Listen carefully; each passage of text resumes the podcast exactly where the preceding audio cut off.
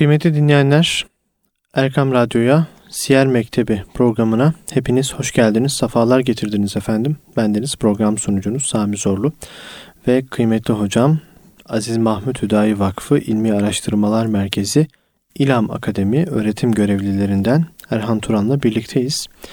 Bu programda Peygamber Efendimiz sallallahu aleyhi ve sellemin hayatını gündemimize taşıyor.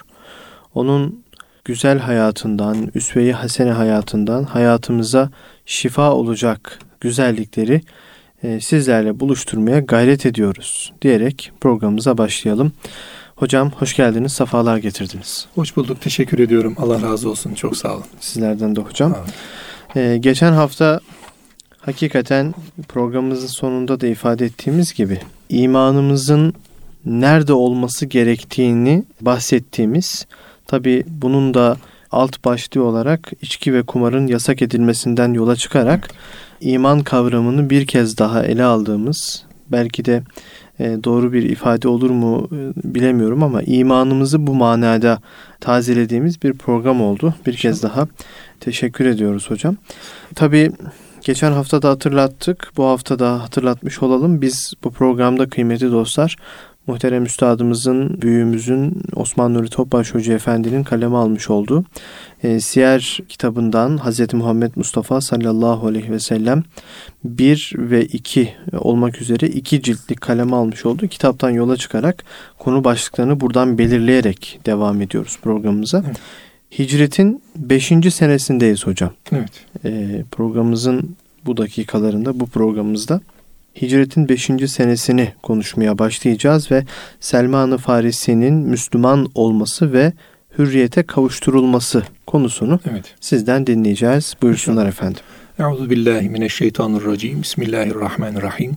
Elhamdülillahi Rabbil alemin ve salatu vesselamu ala Resulina Muhammedin emin ve ala alihi ve ashabihi ve ala ali ehli beytihi ecmain. Ve ba'd. Biraz önce vurguladığınız gibi iman esastı içki ve kumar da aslında iman esasını takviyede e, evet. önemli bir misal oldu bizim için. Ondan e, bahsettik. Şimdi diğer bir numune-i imtisal çok güzel bir e, örnek bizim için örnek şahsiyet Selman-ı Farisi. Aslında bu konunun arkasından e, gelmesi muvafık olmuş. Tevafuk değil evet. muvafık olmuş. Bu noktada Hazreti Selman bizim için önemli bir kıymet taşıyor. Çünkü e, akıl ve akıllı sorgulama Allah'a vuslatta nasıl kullanılmalı? Yani bir insan İslam olmak için ya da Müslüman olmak için hangi merhaleleri nasıl değerlendirmelinin bir nebze de olsa örneğini hı hı. Hazreti Selman bize açıkçası yaşatıyor. Kendisi anlatıyor. Oğlu Abdullah'ın ağzından dinliyoruz biz onu. Hicri 36'da vefat etmişti Hazreti Selman Farisi. E, onun asıl adı Mahbe bin Buzeh Meşan bin Murselan bin Yehzü Yehbuzan. Farisidir kendisi. Aslında bugünün İran dediğimiz topraklarında, Fars topraklarında dünyaya gelmiş bir şahsiyettir Hazreti Selman. Müslüman olduktan sonra da künye olarak Ebu Abdillah künyesini kullanmıştı. Selman'ı Farisi olarak meşhur oldu. Onu öyle bilirlerdi. Kendisine sordukları zaman ismini e, Selman İbnül İslam diye cevap verirdi. Yani İslam'ın oğlu Selman'ım ben hı hı. diye. Ona El Hayır, Pak ve böyle Hakim gibi lakaplarda bulunurlardı. Selman Farisi çok farklı bir akıl çizgisine sahip bir insan. Aslen babası mecusidir. Bildiğiniz e, bulunduğu bölgenin önde gelenlerinden. Hı hı. Hatta tapınaklarındaki mecusi tapınaklarındaki e, ateşi yakma görevi olan bir insandır. Yani bu Fars bölgesinin en önemli işlerini yapanlardan birisidir. Hem önde gelendir hem de görevi olan birisidir. Bazen e, tabi Selman Farisi bu noktada samimi de davranıp bazen babası vazifeyi kendisine verdiğinde o ateş gede denilen ateşin yakıldığı yerden bir dakika ayrılmadan böyle ateşi takip eden yanması için elinden geldiği kadar gayret eden bir hizmeti de bazen yüklenmiş bir insan Selman Farisi. Ancak kafasında hep bir soru işareti olmuş. Yani bu ateş neden bizim iman ettiğimiz, taptığımız bir hale gelmiş diye. Hı hı. Tabi babasının çiftlik işleri de var oğluna işler tavsiye etmiş. Şöyle şöyle yap, şunları şunları yap diye. Çok da yanından ayırmazmış babası kendisini. Hatta kendi ifadesiyle kız evladı gibi beni yanında tutardı diyor baba. Hmm. Yanından ayırmazmış. E, tabii Selman-ı Farisi meraklı bir insan. Babası kendisine bir tarlada iş tarif ettiği zaman giderken yol üzerinde bir kilise görüyor. Merak ediyor kim var içerisinde diye, ne yapıyorlar diye. Onların ibadet ettiklerini, ibadet hallerini görünce kendi kendine diyor ki ya benim yaptığım işten daha hayırlı bunların yaptıkları. Yani benim mecusiliğim yan yana konduğunda kilisedeki yapılan ibadetle kilisedeki ibadet daha güzel görünüyor. Oradaki daha anlamlı. Daha anlamlı. Yani daha böyle bir manevi bir atmosfere sahip bir mukayese yapıyor. Yani bu merakı ve e, akli mukayesesi inanma o hani insanın Efendimiz Aleyhisselatü Vesselam fıtrat üzere doğar hadisi var. Yani her e, çocuk İslam fıtratı, fıtratı üzere doğar. Yahudi ise, Hristiyansa, Mecusi ise ona göre ailesi onu çevirir diye. Soruyor sonra sorgulamaya başlıyor. Hatta girip kilisede diyor ki bu dinin aslını ben nereden öğrenebilirim diye sorguluyor. Eve de geç geliyor. Babası sorduğunda da anlatıyor. Diyor ki böyle böyle bir takım şeyler yaşadım. Bir kilise gördüm. İşe de gitmedim diyor. Onlarla diyor vakit geçirdim diyor. E, bu noktada babası onu telkinde bulunuyor. Diyor ki sen ona itibar etme o dinde hayır yoktur diyor. Hmm. Sen gel babaların dini üzerinde kalmaya devam et sakın ha diyor. Yani oradan uzak dur diye yasaklıyor. Hatta gitmesi ihtimalini göz önünde bulunup ayaklarından onu kelepçeliyor. Allah Allah. Bu kalıyor eve eve bağlıyor tabirindeyse. Hmm. Yalnız Selman Farisi diğer Hristiyanlara o kilisede ibadet edenlere eğer diyor e, buradan bu işin ehlini öğrenmeye gider olursanız beni de almadan gitmeyin diyor. Yani kendisi kaçmaya razı. İşte burada tabii ki merakı var, mukayesesi var, aklı kullanma hadisesi var. Tabii babasının telkini var. Hazreti Ali Efendimiz'de gördüğümüz gibi yani babasının imanına müdahalesine izin vermiyor. Hmm. Çünkü iman şahsın kendisini bağlar. O yüzden o sorgulamaya devam ediyor Selman-ı Farisi ve bir diğer mesele ehlini arıyor. Yani bu sahip olduğunuz dinin daha ehli kimdir bunu arıyor. Ona da bir kilisede bir psikopos tarif ediliyor. Onun yanına gidiyor. Orada da bila ücre. Kaçıyor mu babasının yanında? Kaçıyor. Kaçıyor. Bu kağları çözüyor. O kafileyle birlikte o psikoposun yanına gidiyor. Hmm. Orada ücret almaksızın bila ücre hizmet karşılığında, kiliseye hizmet karşılığında sadece yaşadıkları dini öğrenmek üzere tabirlerinize yatılı kalıyor. Hmm. Orada yatılı bir e, eğitim hayatı alıyor. Yalnız psikoposun bazı kötü hallerine de şahit oluyor. Mesela infak veriliyor, sadaka emrediliyor, işte yardımlar toplanıyor. Psikopos bunları kendisi küplere doldurup bir yere saklıyor. Hmm. Bunları insanlara kullanmıyor. O iyi hasletlere sahip olan Selman-ı Farisi'nin böyle kötü hasletlere sahip bir e, din adamı bir de ehil denen adamı görmesi rahatsız ediyor. Hmm. Ölüyor bu adam. Tabi e, defni yapılacağı zaman herkes şehadette bulununca Selman diyor ki ben onun kötü huylarını biliyorum diyor. Nedir diye soruyorlar. O da anlatıyor. İnanmıyorlar. Götürüyor onun sakladığı yeri gösteriyor. Küpleri çıkarıyor. Çıkardıktan sonra da adamın cesedini asmışlar ve taşlamışlar. Gömmemişler. Böyle de cezalandırmışlar kendilerine göre. Tabi Selman bu samimiyetini görünce etrafındakiler onlara bu adamdan başkası var mı diye soruyor. Yani ben bu dini öğrenmek istiyorum. Bu dinin gerçeğini görmek istiyorum. Yani hakikate ulaşmak istiyorum. Bana daha fazlası, daha başkası diye. Bu sefer de ona bir psikopos tavsiye ediliyor. Yalnız o psikopos bugünkü yani Ammuriye diye adlandırılıyor. Ama günümüzdeki Eskişehir yakınlarında bir yer. Hmm. Ta Fars diyarından ta Ammuriye'ye kadar Selman hakkı arayarak rehlesini yapıyor. Yani er-rihlefi talebil ilim vardır hadis hı ilimlerinde. Bir hadisin daha alisini bulabilmek için yapılan yolculuklar vardır. Meşakkatlere katlanır e, oradaki nakil alimi. Selman da imanı bulmak için o rihlesini yapıyor. Kaç yaşında bu arada? Yani yaşı hakkında çok fazla hocam e, bilgi verilmiyor.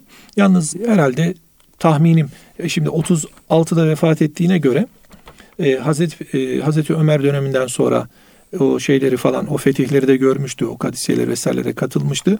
Hatta şeyde de görev verdiler kendisine. E, Medain valisi olarak da görev aldı. Hı hı. 36'lar düşünülürse herhalde 25'li yaşlar falandır. 20-25'li yaşlar falandır. Tabi bu benim tahminim. Bununla alakalı net bir bilgi verilmiyor yani. Kaynaklarda evet. görmedim ben. Ee, şeye de baktım, ansiklopediye de baktım. Orada da onunla alakalı bir bilgi verilmiyor. Net bir bilgimiz yok ama benim tahminim o yani. Evet. 20-30'lu yaşlar arasıdır diye düşünüyorum. Bu yolculuğa çıkıyor.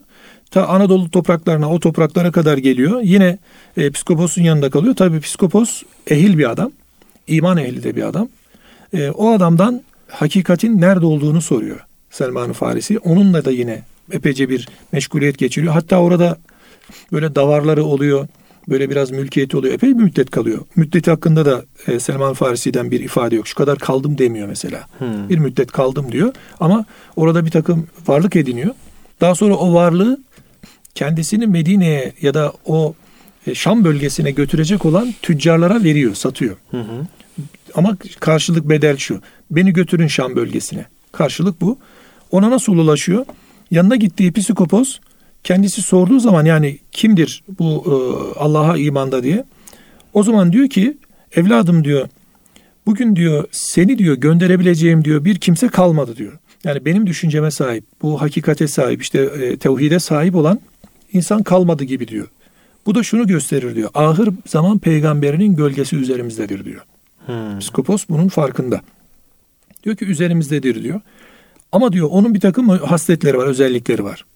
Birincisi diyor Hazreti İbrahim Aleyhisselam'ın dini üzere Hanif olarak. Evet hocam şimdi bunu burada bırakalım. Evet. Ee, şu soruyu sormak istiyorum. Selman-ı Farisi bu diyaloğu yaparken Peygamber Efendimizin yani Peygamber Efendimizin zamanındaki durum nerede şu anda? Efendimiz Aleyhisselatü Vesselam Mekke'den Medine'ye hicret etti o dönemler. Yani hicretin 5. senesi değil mi o yine? Şu an biz 5. senesinde Selman-ı Farisi'den İslam olmaklığını dinliyoruz. Ama şimdi o Selman'ın bu yaşadığı olay Amuriye Hı. işte Farisi vesaire hicretin 1 ve 2. seneleri. Hı. Yaşadığı Hicretin 5. senesinde Müslüman ol, olacağı o, o için 5. Evet, yılında aynen konuşuyoruz. Öyle, aynen tamam. öyle. Bu yaşadıkları hı hı. hicretle 5. sene arasında yaşadığı bir dönem. Anladım. 2-3 senelik bir hadisedir bu. İslam bu dönemde olacak. Hı hı. Ama şu anda hicretin ikinci e, senesini anlatıyor Selman Farisi. De bu psikoposla diyalog Diyaloğunu kuruyor. anlatıyor. Evet. Yani şimdi orada özellikleri sayarken mesela psikopos gölgesi üzerimize düşmüştür deyince Efendimizin Mekke dönemi bitmiş. Hmm. İbrahim Aleyhisselam'ın dini üzere deyince o haniflik zaten tebliğ olunmuş. Medine'ye peygamberimiz hicret etmiş. Hı hı. İlk senelerinde Selman Eskişehir'de. Evet. Böyle söyleyelim yani. Hı hı. Bu haliyle e, Hazreti Selman'a ikinci e, şeyi söylüyor. Arap topraklarında zuhur edecek diyor. Hı. Yani Şam bölgesi ve altı Arap toprakları. Üçüncüsü iki kara, taş, iki kara taşlık arası olacak diyor. Hurmalık bir bölgedir diyor. Hı hı. Tarif edilen yer Medine iki karataşlık arası hurmalık denilen yer Medine. Bir diğer hasleti kendisine hediye verirsen kabul eder yer, ikram eder. Sadaka verirsen kabul eder, yemez, ikram eder. Hmm. Böyle bir özelliği vardır diyor. Bir de diyor iki kürek kemiği arasında omzunda nübüvvet mührü göreceksin hmm. diyor. Bu şahsiyeti bulursan ona diyor ona yapış bırakma. Hakikat peygamberi odur, hak peygamber odur diyor. Efendimiz Aleyhisselatü Vesselam'ı yani geldiğini bilmeden e, psikopos tarif ediyor. Tabi Hazreti Selman da e, Hazreti Peygamber'den o hasletleri öğrenince, alakalı olan hasletleri öğrenince Şam bölgesi tarif edilen Arap bölgesine gitmek için artık bir sebep arıyor. Çünkü onun e, hakikate vuslatta bir rehlesi var. O rehleyi yapıyor. Yani her birinin, her bir e, sahabinin çekmiş olduğu ayrı bir meşakkat var, ayrı bir hal var. O hali Efendimiz Aleyhisselatü Vesselam Medine'de, Mekke'de e, Mekke'de yaşadıktan sonra Medine'ye hicretiyle Selman da bu şekliyle Fars bölgesinden ta Amuriye bölgesine oradan da tekrar Şam bölgesine ve sonrasında da e, Arap diyarından Medine'ye, Medine'den de Efendimiz'e buluşma hali olacak. Tabi o elinde avucunda ne varsa, orada ne kazandıysa bunların hepsini Arap diyarına o bölgeye gidecek olan tüccar topluluğuna satıyor. Diyor ki ben diyor sizden hiçbir şey istemiyorum. Beni sadece oraya götürün. Sizinle beraber geleyim. Bu malım mülküm varım yoğum sizin olsun diyor. Ta şeye kadar geliyor. E, Vadil Kura bölgesine kadar geliyor. Ancak orada Selman'a e, bir oyun yapıyorlar. Yani Selman'ı esir olarak satıyorlar pazarda. Hmm. Hazreti Selman bir Yahudi tüccar, bir Yahudi, Medineli bir Yahudiye köle oluyor. E, ardından Efendimiz Aleyhisselatü Vesselam'ın hicreti, hicret sonrası halleri, o dönemde olanlar ve sahibiyle, kendisini satın alan kişiyle kendisine ziyarete gelenler aralarında konuşurken Selman Farisi duyunca heyecanlanıyor. Hatta kendi ifadesiyle diyor ki e, ağaçta öyle bir diyor bocaladım ki efendimin üzerine düşecektim diyor. Çünkü duymak istediklerimi duydum diyor. Çünkü Hmm. o psikoposu bana ne söylediyse anlattıkları oydu diyor. Sonrasında da diyor bir şekilde diyor ben Efendimiz Aleyhisselatü Vesselam'ın bulunduğu diyor mescide geldim. Önüne diyor birkaç hurma koydum. Bu nedir diye sordu diyor. Ben de sadakamdır dedim diyor. Sadaka deyince yanındakilere bunu fakire fukaraya, ashab-ı sufaya dağıtın dedi diyor. Kendi kendime diyor imtihan yapıyorum diyor. Hmm. Niye? Çünkü şartlar gerçekleşiyor. Şimdi iki karataşlık arası dedi Medine orası. Hurmalık bir bölge dedi. E orası hurmalık bir bölge. Arap diyarı dedi. E, Arap diyarı orası. E şimdi gelen şahsiyet özellikleri sadaka yemeyecekti. E yemedi. Hı hı. Şimdi diyor ki bir imtihan daha edeceğim diyor. Mührü görecek. Tabii yok önce hocam hediye verecek. Hediye verecek. Sonra hediye getiriyor. Bu hediye hediyemdir diyor. Efendimiz oradan bir parça ağzına atıyor hurmadan. Geri kalanı ashab-ı sufaya Hmm. ve fakire fukaraya ikram ettiriyor. Diyor ki Selman tamam diyor. Şimdi diyor bu oldu. Tek diyor şey mühür kaldı diyor. Efendimizin arkasına geçiyor. Efe- Efendimiz onun o halini anlayınca ridasını şöyle azıcık aşağıya indiriyor yukarıdan. Selman nübüvvet mührünü geliyor. Efendimiz Aleyhisselatü Vesselam'a sarılıyor. Ve bırakmıyor. Tabi peygamberimize çokça geliyor gidiyor. E, vakti olmayınca da e, şeye kayıyor devamlı. Efendisinin yanına gidiyor. E, köle olduğu için.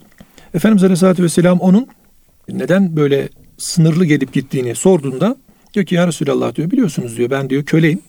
Satın alındım ve bu noktada da ben kendimi azat etmekle mükellefim. Efendimiz o Yahudi'ye bir haber gönderiyor. Yani bu e, köleyi azat için ne istersin diye. Tabi Yahudi olayı bildiği için biraz insafsız da davranıyor aslında. Hı. Diyor ki 300 hurma fidanı dikmesini isterim diyor. 300 hurma fidanı yalnız her biri tutacak diyor. İkincisi 40 ukiye de altın isterim diyor. Hı. 40 ukiye yani bugünkü hesapla bir ukiye 128 grama tekabül ediyor. 5.120 gram yani 5 kilo 120 gram gibi bir altına denk geliyor. Hazreti Peygamber Selman'ı çağırıyor. Diyor ki ya Selman diyor peki diyor. "e, siz diyor çukurları kazın diyor. Sahabeye de kardeşinize yardımda bulunun diyor. Ne kadar güzel bir, bir e, iştirak var. Evet. Ne kadar güzel bir kardeşi bukasından kurtarmak için yani onun üzerine vurulan kölelik yaftasını kaldırabilmek için sahabi seferber oluyor. Çok güzel bir edeptir bu. Çok güzel bir adaptır bu. Yani ben kurtulmuşum bu kardeşim bana ne başkası kurtarsın demiyor. Sahabi e, tek tek çukur kazmaya başlıyor. 300 çukur kazılıyor. Yani tabii e, bu çukurlar Yahudinin kendi tarlasında kazılıyor. Hı. Ve ardından da Efendimiz Aleyhisselatü Vesselam 300 hurma fidanını tek tek elleriyle dikiyor. Tek tek. Her birinin suyunu veriyor. Diyor ki Selman-ı Farisi o hurma fidanları oldu. 300'ün 300'ü de tuttu diyor. Bir tanesi diyor tutmazlık olmadı diyor. Yalnız altın meselesi var 40 ukiye. Efendimiz Aleyhisselatü Vesselam Selman'a tabi Beytülmal'de ne var diye soruyor. Beytülmal'den şöyle yum- yumurta kadar küçük bir yumurta büyüklüğünde bir altın parçası getiriliyor. Diyorlar ki ya Resulallah bundan başka bir şey yok şeyde Beytülmal'de. Peki o zaman diyor Selman'a onu veriyor. Selman'a diyor ki bunu götür efendine ver. Bunu tartsın ve bununla da 40 ukuyesini alsın. Diyor ki kendi kendime dedim ki diyor yani bu şeydeki bir altın biraz önce söylediğimiz 5 kilo 120 grama nasıl denk gelecek kendisince? Yani 40 ukuyeye nasıl denk gelecek diye düşündüm diyor. Ancak diyor o altını diyor aldım alacaklıya diyor kefenin bir köşesine diyor koyduk onu diyor. Diğer köşesine de diyor 40 ukuyeye tamamlayacak kadar altın koyduk diyor. Bizim altın baskın geldi diyor. Allah Allah. Yani diyor ki Selman-ı Farisi Allah'a yemin ederim Uhud dağını koysalardı diyor altın onu tartacaktı diyor. Ya. Yani burada tabi e, Allah'ın o kalbi o muhabbetine bir iltifatı, bir ikramı. Elbette ki Evet. Resulullah Aleyhisselatü Vesselam'ın orada bir mucizesi söz konusu ama neticede oradaki fail mutlak Cenab-ı Hak o hadise Cenab-ı Hakk'ın e, iradesiyle gerçekleşiyor. O küçücük altın koskoca bir parçaya tekabül ediyor. E, Ondan sonra e, Yahudi tabi şaşırıyor buna. Hayret ediyor. E, bu diyor nereden diye sorduğunda o Efendimiz'i işaret edince hayret ediyor o Yahudi. Yani bir insan bir insana insanı kazanmak için böyle bir iltifatı nasıl yapar? Evet. Demek ki hocam insan kazanmaksa işin içerisinde olan burada e, rakamlara takılmamak lazım. Hazreti Peygamber onu Ebu Derda ile Medine'de kardeş yaptı. Tabi o da yine diğer sahabi gibi Ebu Derda kapısını açtı. Hı hı. Her türlü e, malından mülkünden o kabul etmedi. Diğer muhacir kardeşleri gibi hurma lifinden hasırlar yapar satar. Geçimini de böylece sağlardı. Daha sonra tabi Efendimizin Dar-ı Beka'ya irtihalinden sonra vefatından sonra onu da şeyden kabul ettiler. E, Efendimiz tabi sonrasında sordu. Selman e, nedir diye. Sahabi tabi cuş etti orada. Dediler ki Ensar Selman bizdendir dedi. Hı hı. Muhacir Selman bizdendir dedi. Böyle herkes Selman Farisi'ye sahip çıkmaya gayret etti, çalıştı. Efendimiz Aleyhisselatü Vesselam Selman bizdendir, ehli beyttendir dedi. Yani Selman Farisi rahimehullah Allah Resulü'nün ailesindendir bu noktada. Öyle kabul edildiği için kendisine Beytül Mal'den maaş bağlandı. Yani ehli beyt maaşı bağlandı. O maaşı önce kabul etmedi. Tabi ehli beyte maaş verilmesi bir gereklilikti. O olduğu için de ne yaptı? O aldığı e, bağlanan maaşı infak etti. Kullanmadı. Hı hı. Onu e, fakire fukaraya dağıttı. Kendisi hurma lifinden sattığı hasırlardan kazandığıyla geçinmeye çalıştı. Ama bir özel bir hasleti vardı. Hazreti Peygamber'in yanından ayrılmamak artı ashab-ı suffaya talebi olmak. O da ashab-ı suffanın içerisine dahil oldu ve sonrasında e, günümüze kadar onun namı gelmiş oldu. Bu önemli olan tabi Hazreti Peygamber'in o İslam'ı temsil edecek, o İslam'a sahip çıkacak, İslam'a mihmandar olacak bir genci hal içerisinde tutma, kendi e, kazanma adına, ona sahip çıkma adına yapmış olduğu fedakarlık ve vefakarlık. Yani bir işçi edasıyla 300 fidanın dikilmesi, 40 ukuyya altına tekabül edecek bir altın için Efendimizin bir gayreti. Hı hı. Tabi hayret şayandır yani. Neticede bir insandır. O insanı kazanmak için Efendimizin yapmış olduğu gayrettir. Selman Farisi Efendimiz'den sonra yine devam etti. Hatta Efendimizin Medain saraylarında görüyorum seni diye Efendimizin ona bir iltifatı vardı. Bazı rivayetlerde geçer bu. Diyor ki Hazreti Selman, vallahi diyor Allah Resulü'nün doğruluğuna şahit oldum diyor. Çünkü Medain saraylarında fetihten sonra o Kadisiye savaşları vesaireler olduktan sonra Hazreti Ömer döneminde Hazreti Selman da ordu içerisindeydi. O saraylara girildikten sonra Hazreti Ömer ona Medain'in valiliğini verdi. Hmm. Yani Hazreti Peygamber'in seni orada görüyorum dediği yere vali oldu Hazreti Selman. Ve yine Allah Resulü'nün ben diyor bu mucizesine şahit oldum diye şahitliğine şahitlik yaptı. Tabi tevazu ehli birisiydi. Burada bir anekdot var onu da e, söyleyelim. Sonra kısaca yorumlayalım meseleyi. Hazreti Selman böyle bir vali edasıyla yani bir protokol edasıyla kendisini toplumdan dışarıya çıkarmış ve kendisini farklı bir boyutta gören bir insan edasıyla yaşamıyor. Mütevazi bir hayatı var. Toplum içerisinde insanlar arasında hareket halinde insanların ihtiyaçlarına cevap veriyor. Onlarla ilgileniyor. Hatta bir defasında Teymoğullarından bir e, kabile liderlerinden birisi gelmiş alışveriş yapmış. Tabi aldığı şeyler biraz ağır. Taşıyacak adam bakmış etrafına. Selman-ı Farisi de mütevazi giyimli. Böyle e, üzerinde valilik alametleri görülmeyen bir insan. Gel demiş Hazreti Selman'a. Şunları taşı demiş. Hani 3-5 para verecek. Hem de e, işini gördürmüş olacak. Adamın niyeti bu. Tabi yüklenmiş Hazreti Selman. Bütün yükü sırtına almış. Taşımaya başlamış. Tabi etraftakiler Hazreti Selman'ı tanıyor. Adam tanımıyor. Adama gelmişler demişler ki ya sen ne yapıyorsun? Senin yükünü taşıyan zat validir. Selman-ı Farisi'dir. Deyince adam hemen gelip özür diliyor. Ayaklarına kapanıyor. Diyor ya diyor bırak diyor indir diyor. Ben diyor yanlış yaptım sizi tanıyamadım özür dilerim diyor. Diyor ki zarar yok diyor. Yüklendik eve kadar yük bizimdir diyor. Bu haliyle Hazreti Selma'nın bir tevazu hali var. Evet. Peygamberi bir edebi peygamberi bir adabı var ve bununla bizim karşımıza çıkıyor. Bununla bize misal oluyor. Tabi burada alacağımız dersler var. Kısmen de değindik e, şey içerisinde anlatırken ama özetle söyleyecek olursak birincisi her insanın ilahi anlamda yani e, neden yaratıldım, niçin yaratıldım, imanım nedir, İslam'ım ne olmalıdır, nasıl hayatımı ihsan kıvamına getirim diye bir derdi olacak. Bunun içinde önce bir merak olacak. Bu merak ilahi bir merak olacak ve e, öğrendiklerini mukayese eder, akıl kullanacak. Evet. Yani sadece işte aklı hep tenkit etmede, eleştirmede ya da beğenmemede değil, e, hakikati anlamada, hakikati öğrenmede ve Cenab-ı Allah'a vuslatta nasıl yol alırımı öğrenmede aklını bu noktada kullanmaya çalışacak. Bu noktada telkinler olacak. Hazreti Selman'a babasının telkinleri vardı. Telkinler olacak. Birileri bir şeyler söyleyecek. Allah için, peygamber için olan dışında üçüncü bir e, şıkka sığınmayacak.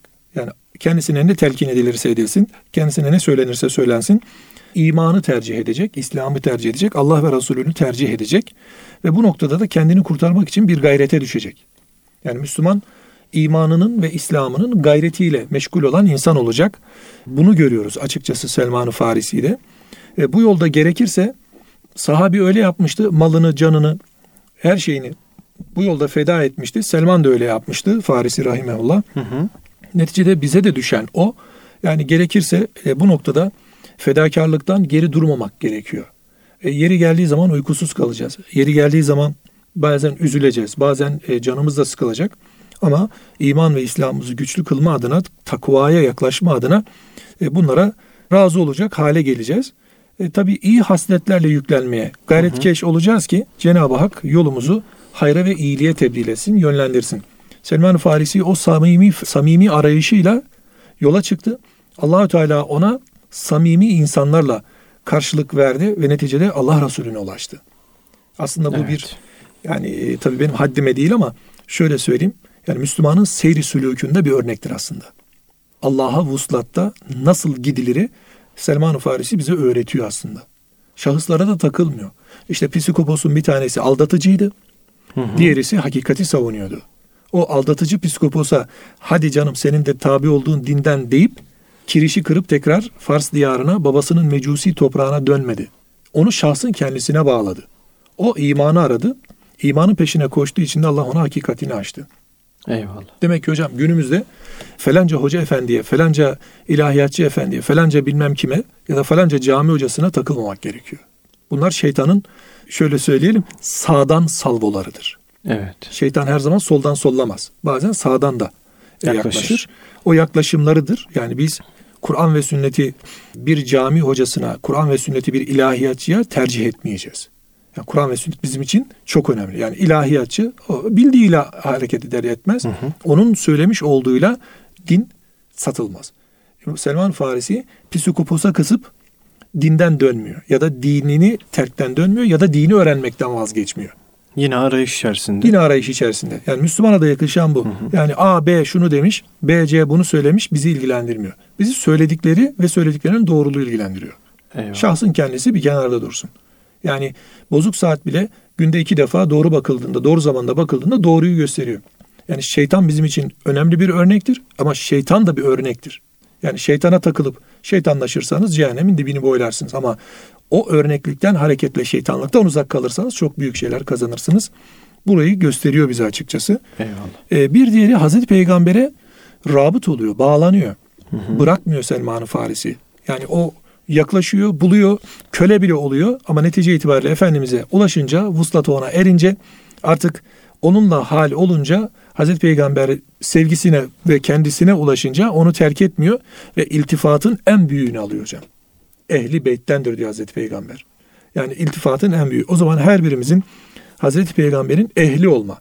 Ehli beyte girebilir miyiz bilmem. Efendimiz bizi oraya kabul eder mi bilmem. Ama Efendimiz'e ümmet ehli olma ve o ehil içerisine dahil olma diye bir kaygımızın, bir mücadelemizin olması gerekiyor. Evet. Hazreti Selman o mücadeleyi veriyor, kazanıyor. İnşallah bizler de o mücadeleyi verir. Hazreti Peygamber'in kardeşlerim dediği o zümre içerisine dahil oluruz, nail oluruz ve onu da inşallah hak ederiz diyorum ben. İnşallah hocam. Allah razı İnşallah olsun. hocam. Hakkı, hakikati aramak için bunca zahmetler çeken ve sonunda Peygamber Efendimizin birçok iltifatına mazhar olan Selman-ı Farisi'yi konuştuk. Diyor ki hocam, üç şey beni güldürdü, üç şey de beni ağlattı diyor. Güldüren üç şey, insan dünya için ümitlerle doludur. Halbuki ölüm onun peşindedir. Evet. İkincisi insan gafil bir şekilde yaşar. Halbuki kendisinden gafil kalınmaz. Üçüncüsü bazı insanlar kahkahayla gülerler. Halbuki gafletleri sebebiyle Cenab-ı Hakk'ın gazabını cezbediyor mu bilinmez. Bilinmez. Ağlatan üç şey de Resulullah sallallahu aleyhi ve sellem ashab-ı kiram gibi güzide ashabtan ayrılmak, onların ruhani ikliminden uzak kalmak. Evet. Selman-ı Farisi ağlatan üç şeyin birincisi. İkincisi ölüm anındaki dehşet verici hadiseler. Bunları e, tabi programlarımızda bahsettik, bahsedeceğiz. Üçüncüsü cennete mi yoksa cehenneme mi gideceğimi bilmeden alemlerin Rabbinin huzuruna çıkmak. Bu üç şey de beni Ağlatır ağlattı diyor. Ya hocam farkında olmanın adıdır işte bu. Eyvallah. Yani kulluğunun farkında, Allah Resulü'nün e, derdinin farkında. Allah'ın kendisinden istemiş olduğu kulluğun farkında. Yani aklını Cenab-ı Hakk'a vuslata bağlamış bir numunedir aslında. Selman-ı Farisi. Selman-ı Farisi. Ama iltifatların en büyüğüne uğramış. Dünyada Hazreti Peygamber'in ehlinden olmuş. Ehli beyttendir ünvanını almış. İltifatların alasına yine uğramış. Medain saraylarının olduğu yerlerde vali olmuş. Yani hem manevi iltifatlar hem maddi iltifatlar hı hı. dünyada kendisine uğramış. Ve Hazreti Peygamber'in ehlim dediğine göre herhalde ahirette de ehlinin içerisindedir diye düşünüyorum. Eyvallah. Yani Cenab-ı Hak onlardan bize hisse almayı nasip eylesin. Amin. O hisselerle de Hazreti Peygamber'e kavuşmayı nasip eylesin inşallah. Amin. Allah razı olsun hocam. Cümlemize çok inşallah. çok teşekkür ediyoruz. Ben Gönlünüze teşekkür sağlık. Allah razı olsun. Ee, bu haftada programımızın sonuna gelmiş olduk. Önümüzdeki evet. hafta yine İnşallah. Siyer Mektebi programında Peygamber Efendimizin hayatından güzellikler gündemimize taşımaya gayret göstereceğiz diyelim. İnşallah.